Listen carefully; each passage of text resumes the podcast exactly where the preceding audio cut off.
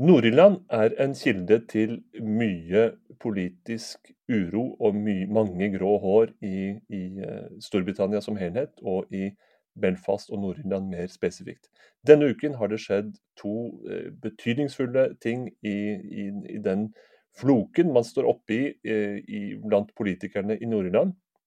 Vi skal snakke om det i denne utgaven av Pod Britannia. Jeg heter Øyvind Brattberg, og med meg har jeg min medredaktør, kollega og betydelig mer innsiktsfulle eh, mann enn meg, Erik Mustad. We shall never surrender. The pride in who we are is not a part of our past. It defines our present and our future. The people of Scotland have spoken. England, Scotland, Wales, Northern Ireland, together, taking us forward, unleashing the potential of the whole country. Order! Erik, vi skal starte med det umiddelbare. Det er enklest der, i det konkrete hjørnet. Denne uken har det skjedd eh, to ting som henger, henger, sammen. Det ene er at EUs eh, sjefsforhandler overfor Storbritannia, det har fortsatt en slik en i brexits kjølvann, nemlig Marios Sefcovic. Han sier at, at eh, Nord-Irland-protokollen, dette konfliktfylte området eh, som, som britene og EU ennå ikke er enige om, der kan man muligens komme til et kompromiss om hvordan irskegrensen skal håndteres, og det kan man muligens gjøre innen, innen kort tid. Det andre som har skjedd, er langt, eh, er langt mer knyttet til, til britenes egne prosesser og nordirrenes egne prosesser, nemlig at fristen til å få en ny nordirsk regjering på, på beina etter eh, valget som fant sted i vår, den er utsatt enda en gang. Og Dermed har man også gitt seg selv enda noen uker før det må skrives ut et, et valg for å løse opp i den, den, politiske situasjonen. Disse to tingene er interessante hver for seg, eh, men de henger også sammen. Ta oss inn i dette komplekset. Ja, det er jo flere ting som har skjedd i Nord-Irland i det siste. og De to du nevner henger absolutt sammen, men det kan også forklares hver for seg. Eh, I eh, mai i eh, år så, så vi at Sinn Fein ble det største partiet i det nordirske valget. Og Det i seg selv var oppsiktsvekkende i den grad at Det demokratiske unionistpartiet, altså unionistene, protestantene, alltid har vært i flertall, også i provinsforsamlingen i Nord-Irland. Og alltid har hatt førsteministeren siden institusjonene ble oppretta i 2008. Nå så vi da altså en endring i mai. Uh, og så var det da frist for å bli enige om en uh, plattform for um, maktfordeling i provinsregjeringen nå den 28. oktober. det er ganske lang tid. det som skjedde var at unionistene pga. den Nord-Irland-protokollen, som vi skal forklare litt mer om et lite øyeblikk, er et dokument som er et tillegg til brexit-avtalen. som da unionistene er sterkt imot og ønsker å Eh, om da ikke modifisert, så ønsker de han egentlig helt bort. Eh, dermed så nekta eh, Jeffrey Donaldson, som er leder for det største unionistpartiet, nemlig Det demokratiske unionistpartiet, å nominere viseførsteministeren i en provinsregjering. Sammen med Michelle O'Neill, som er den nordirske lederen for Sinn Fein, som da nominerte seg selv til førsteminister i Nord-Irland. Eh, dette har da eh, Eh, vart og rukket fra mai og frem til nå. Eh, man har gitt de så lang tid, altså et halvt år, på å komme fram til en plattform for samarbeid. Det har de ikke klart. Og den britiske Nord-Irland-minister um, Chris Heaton Harris, som er fersk i Rishi Sunaks nye regjering på dette området, sa det at hvis ikke man kom til enighet innen den 28. oktober, ja, så måtte, som loven tilsier, Eh, det utstedes nyvalg. Eh, altså nyvalg til Stormont.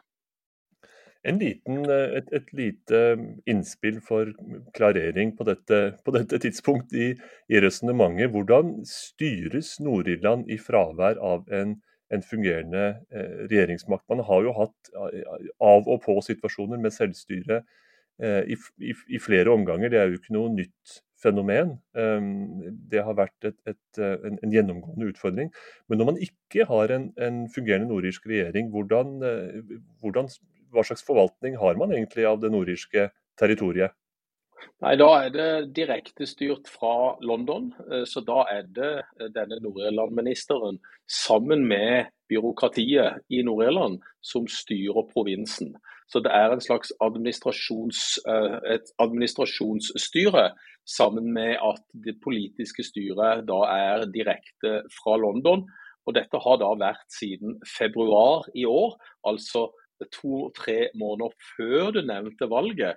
Rett og slett fordi at unionistene trakk seg fra det samarbeidet allerede før valget, fordi at de var i eh, opposisjon til denne Nord-Irland-protokollen, eh, som de da ville ha fjerna. Og så gjorde de dette taktisk på en måte som kunne se ut som at det bare handler om Nord-Irland-protokollen.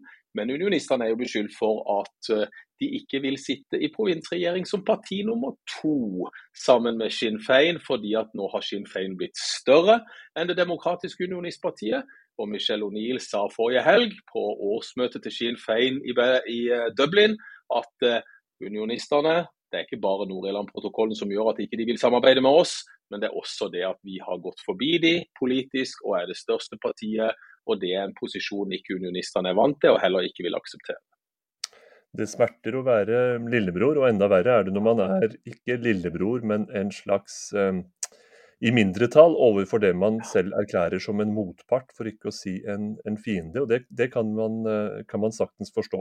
Men hvis vi retter blikket mot Nord-Irland-protokollen eh, og de vanskelighetene mm. som springer ut av, av, brexit, og som i hvert fall er, et, er, det argument man fører, at dette er på en måte den, den, den, den avgjørende hindringen for at man vil inngå et, eh, et, normalt fungerende samarbeid, så er det kanskje lurt å ta oss noen år tilbake i, i tid for hva det egentlig er som har vist seg så trøblete med den nordirske grensen.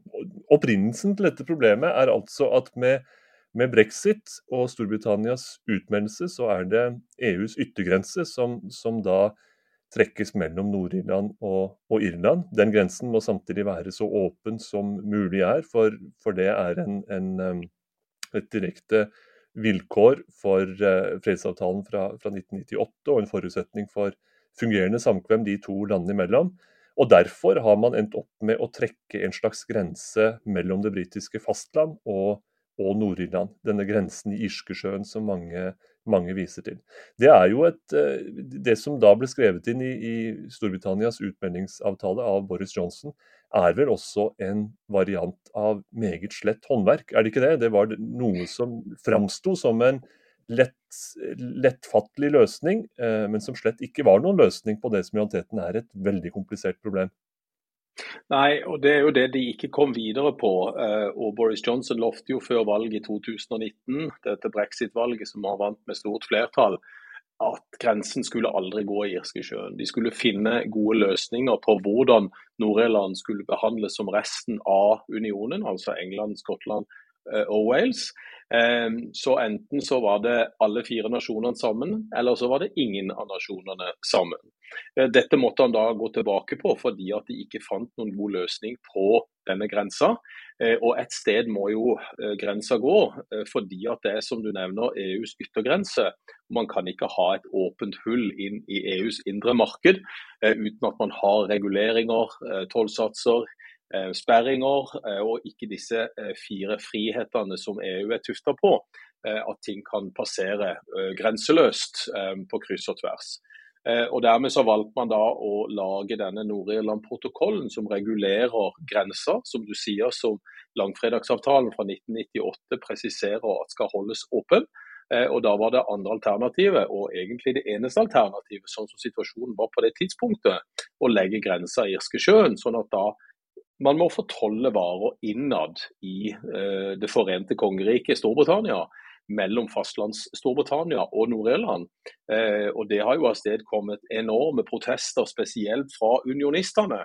Eh, rett og slett fordi at nå er Nord-Irland behandla på en annen måte enn resten av Storbritannia, fordi Nord-Irland enda er med i EUs tollunion. Eh, og de sitter litt der og tenker Hvorfor skal vi være annerledes enn resten av Storbritannia? Hvis det er noen som ønsker å være lik Storbritannia rundt forbi denne britiske unionen, ja, så er jo unionistene i Nord-Irland. Eh, og dette har jo et, et, langt historisk perspektiv, men det har jo også et kulturelt og, og identitetsperspektiv i forhold til unionistenes sterke bånd til, til det engelske og britiske. Akkurat dette med de båndene er jo veldig, er jo veldig interessant. Det, ser man på selve folkeavstemningen om brexit, så er det jo ikke så uventet at uh, unionistvelgere uh, de foretrekker uh, britisk herredømme fremfor noen variant av EU-herredømme. Og, og, Det demokratiske unionistpartiet var vel også det eneste partiet, bortsett fra britenes eget UKIP, som førte valgkamp ensidig for brexit, altså for utmelding av, av EU. og Det gjør jo saken enda mer betent, kan man si, når, når, når, selve brexit-spørsmålet også har splittet de to sidene i, i, i Nord-Irland. Men kan du si noe om det som har skjedd eh, etterpå? For vel er eh, nordirsk politikk og også partisystemet frakoblet det det britiske, eh, kan man si. Men unionistsiden og unionist, Demokratiske unionistpartiet har ganske, eh, et ganske nært slektskap til det konservative partiet. Og under Theresa May så var de endog støtteparti under hennes regjering for, for eh, den britiske regjeringen i London. Kan du si noe om hva slags mistillit som har oppstått siden? Fordi det Boris Johnson skrev under på, det var jo på mange måter et, et svik mot det de, den unionistiske siden i Nord-Irland hadde ønsket seg? Ja, og det er jo det sviket som da eh, bunner i at eh, Det demokratiske unionistpartiet ikke ønsker at Nord-Irland-protokollen skal være der. De ønsker ikke at Nord-Irland alene skal være med i tollunionen. Og de ønsker da denne Nord-Irland-protokollen fjerna, fordi at de ser det på som et brudd på den tilliten som var og til dels er mellom eh, unionistene og Det demokratiske unionistpartiet i eh, særdeleshet, og det konservative partiet som, som enda styrer i Downing Street. Så, så den mistilliten eh, som nå har oppstått pga. denne Nord-Irland-protokollen, det er det unionistene nå sier er hovedgrunnen til at de ikke de vil gå i provinsforsamling og provinsregjering sammen med Sinn Fein.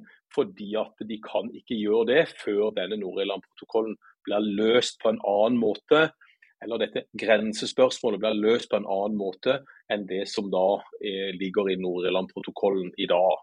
Så Det var det som var grunnlaget for at de oppløste institusjonene i Nord-Irland i februar. Og grunnen til da at de ikke ønska etter valget å sitte i provinsregjering og eh, innsette provinsforsamlingen etter valget i mai. Eh, og så er det da motstanderne som beskylder de for, for det andre som jeg nevnte. Man kan jo eh, lure på hvorfor det skulle være så eh, besynderlig vanskelig å løse dette spørsmålet om, om, grensen. Og Det er vel et ganske vanlig spørsmål du får også når du, når du underviser eller foreleser om, eh, om brexit-spørsmålet og, og Nord-Irland. Men er du enig i dette med at det for, for EU er i, i bunn og grunn et ganske enkelt og entydig juridisk spørsmål. Altså at det som er utenfor, må være utenfor, og det som er, er innenfor, må til en viss grad være innenfor. Slik at man ikke eh, i fremtiden f.eks. kan få en, en trailerlast med billige asiatiske kopierte produkter som britene godtar, men EU ikke godtar. Man kan ikke uten videre få de trillet over grensen og inn på EUs eh, territorium uten at man har hatt kontroll med hva som, som kommer dit? Er, det, er det i bunn og grunn et enkel og bastant juss det handler om? Sånn som vi har fått inntrykk av, så er det jo det. Og man forstår jo EUs juridiske posisjon med at de ikke de ønsker å ha et åpen, en åpen dør eller et smutthull inn i EU. Eh, sånn at disse asiatiske trailerne som du nevner bare kan rulle over en hvilken som helst grense. Så de som er utenfor EU og utenfor det indre markedet, eh, sånn som da Storbritannia i prinsippet er pga. brexit, og pga. den brexit-fløyen som ønska å ta Storbritannia ut, sammen med det flertallet som kom 23.6.2016, eh, så er det kanskje lettere for EU å bare definere de som er utenfor og de som er innenfor. Og så finnes det tilknytningsløsninger for å ha tilgang til det indre markedet, sånn som f.eks. Norge eller Canada eller Tyrkia, som har disse ordningene som de har forhandla frem med EU. Eh, nå har da brexit-avtalen fått dette tillegget. og Det handler jo da kanskje mer om vilje på britisk side om å gjøre noe med denne Nord-Irland-protokollen. Nå har statsminister Rishi Sunak sagt at han ønsker å få på plass de politiske institusjonene i Nord-Irland ganske fort. I disse dager så er det det vi kaller et British Irish Council, som eh, foregår i Blackpool i England. Og Der skal Rishi Sunak møte den irske statsministeren Michael Martin eh, til en samtale. Der er også Nord-Irland-ministeren, fordi at de vil nå prøve å få disse institusjonene på plass. Så først vil de prøve å forhandle med partiene i Nord-Irland for å se om de kan finne et kompromiss, spesielt med unionistene. Men ingen av partiene er representert her pga. at ikke institusjonene er oppe og går i Nord-Irland. Så det er lederen for byråkratiet i Nord-Irland som representerer Stormont-administrasjonen på dette møtet disse dagene her. Så det er en litt vanskelig posisjon i og med at politikere fra Nord-Irland ikke er til stede. Men for oss så virker det jo som dette handler om mangel på vilje fra den britiske regjering på å prøve å finne løsninger. Grensespørsmålet ble trukket opp i forhandlinger allerede i oktober 2016. Britene var ikke forberedt på dette.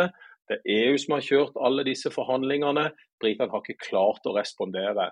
Så Det virker som det er mangel på vilje fra den britiske regjeringen å ta dette spørsmålet på alvor for å få løst denne situasjonen, sånn at man kan få bort dette demokratiske underskuddet som finnes i Nord-Irland for øyeblikket.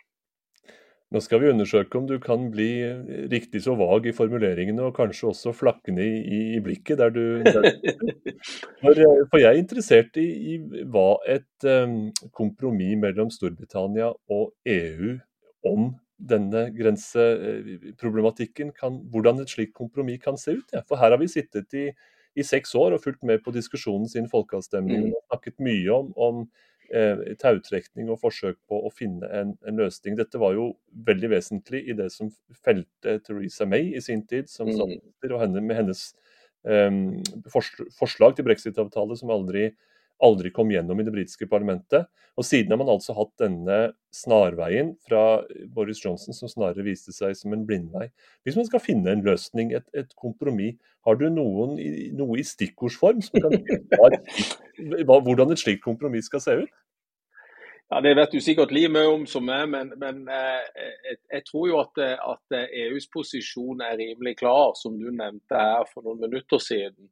At de som er innenfor, er innenfor, og de som er utenfor, er utenfor. Og Så er det Storbritannias valg, det valget som er tatt om å gå ut av EU. og Da må de eventuelt få en tilknytningsordning som, som handler om eventuelt ønske om å ha tilgang til det indre markedet, og at ikke en av nasjonene henger igjen, sånn som Nord-Irland gjør her, pga. denne grensa. Så, så der, der, er noen utfordringer i forhold til eh, hva slags ønsker det er på begge sider. Og Hvis det EUs sjefsforhandler som du nevnte innledningsvis, sier at dette er noe de kan løse eh, på bare et par uker, så har vi da som du sier, sittet i seks år og venta på et kompromiss. Og kanskje ikke det finnes noen kompromisser her. Så det kommer egentlig an på hva Storbritannia ønsker, tror jeg. For det ligger jo en følelse her at man forhandler på mange måter ikke med EU. EU har sine ordninger, og så må de landene som er utenfor tilpasse seg disse ordningene hvis de ønsker å ha eksport og import, altså handel gjennom EUs indre marked. Så dette er jo da Nord-Irland som står rett i skvisen her. Eh, og blir på mange måter av den britiske regjeringen, sånn som de ser det sjøl, ofra i denne forhandlingskampen mellom EU og Storbritannia. Og så fikk man en hasteløsning på plass, sånn at Storbritannia kunne gå ut, men at Nord-Irland ble hengende igjen i tollunionen fordi man ikke visste hvordan man skulle løse akkurat det om, eh, om selvstyret i en annen del av Storbritannia, dvs. Si Skottland og Wales, det selvstyret som ble innført for eh, snart 25 år siden, så ble det sagt at dette var eh, a process, not an event. Altså en, det, man, man, setter nå i gang en prosess, og det er ikke en, en, et, et, enkelt vedtak og en hendelse og en stadfestelse av noe. Det samme kan man vel si om Nord-Irlands relasjon til, til den britiske unionen. Man kan for så vidt også si det om om brexit, hvilken, eh, hvilken retning britene tar utenfor for EU. Det er heller ikke entydig gitt. Men hvis du skal trekke en, en, en slags tidsakse for Nord-Irland sin del, fra der man har vært under langfredagsavtalen siden 1998, fram mot det som venter i et Nord-Irland som lever i en slags limbo mellom eh, Irland, som er innenfor EU, og, og Storbritannia, som er utenfor. Hva, hva, ser du for deg hvis du kikker enten i glasskula eller i mer kvalifiserte prognoser? Nei, Det er jo det som er den store usikkerheten i befolkningen der oppe. Hvis vi nå har sett en befolkningsbevegelse, prosess, eh, hvor eh, valget i mai kanskje gjenspeiler den demografiske situasjonen i Nord-Irland, at det vil være et flertall av nasjonalister nå. Det har alltid vært et flertall av unionister siden provinsen ble oppretta i 1921. Eh, og Det betyr jo at hvis man nå beveger seg mot eh, et annet flertall, som langfredagsavtalen sier til enhver tid skal bestemme den konstitusjonelle tilhørigheten for Nord-Irland, så eh, må det jo ligge i kortene at det kommer en folkeavstemning i Nord-Irland på et eller annet tidspunkt om den tilhørigheten til Storbritannia skal vedvare, eller om man skal søke seg en gjenforening med Irland. Eh, og Det betyr jo at nasjonalistene her, representert med da det største partiet nå, Sinn Fein, ønsker å ha det vi kaller en border pole, altså en avstemning eh, i Nord-Irland, for å se om det nå da er et flertall av nord-Irland som ønsker å søke gjenforening med Irland. Må vi fort legge til at eh, Skal det skje, så må det også være en folkeavstemning i Irland. Eh, og flertall i en sånn folkeavstemning for å innlemme Nord-Irland eventuelt på sikt i republikken. Og Der sliter de fordi at det der er kun en 25-26 i de siste meningsmålingene av irrene som ønsker en gjenforening. Så der ligger noen skjær i sjøen her, og viser, det viser kanskje hvor komplekst dette er. Og For å komme tilbake til utgangspunktet vårt Øyvind, om at den britiske Nord-Irland-ministeren lot denne fristen den 28. oktober gå, bestemte seg for ikke å skrive ut et nyvalg, ja, så var jo hans argument todelt. Det ville ikke føre til noen endringer å ha et nyvalg nå. For man hadde et valg i mai. Situasjonen vil ikke endre seg med et nyvalg nå i desember. Samtidig så vil det være veldig kostbart. Partiene var ikke interessert i å ha noe valg nå, fordi at den politiske prosessen har ikke endra seg. Den har stått på stedet hvil siden mai. og Dermed så er det ikke noe poeng å bare ha et valg, fordi at loven sier at du må ha et valg. Så han har nå utvida dette rommet, og det er jo litt av nøkkel, et nøkkelbegrep i Nord-Irland. Å skape et rom for at man kan fortsette forhandlinger mellom partiene for å prøve å komme fram til et kompromiss.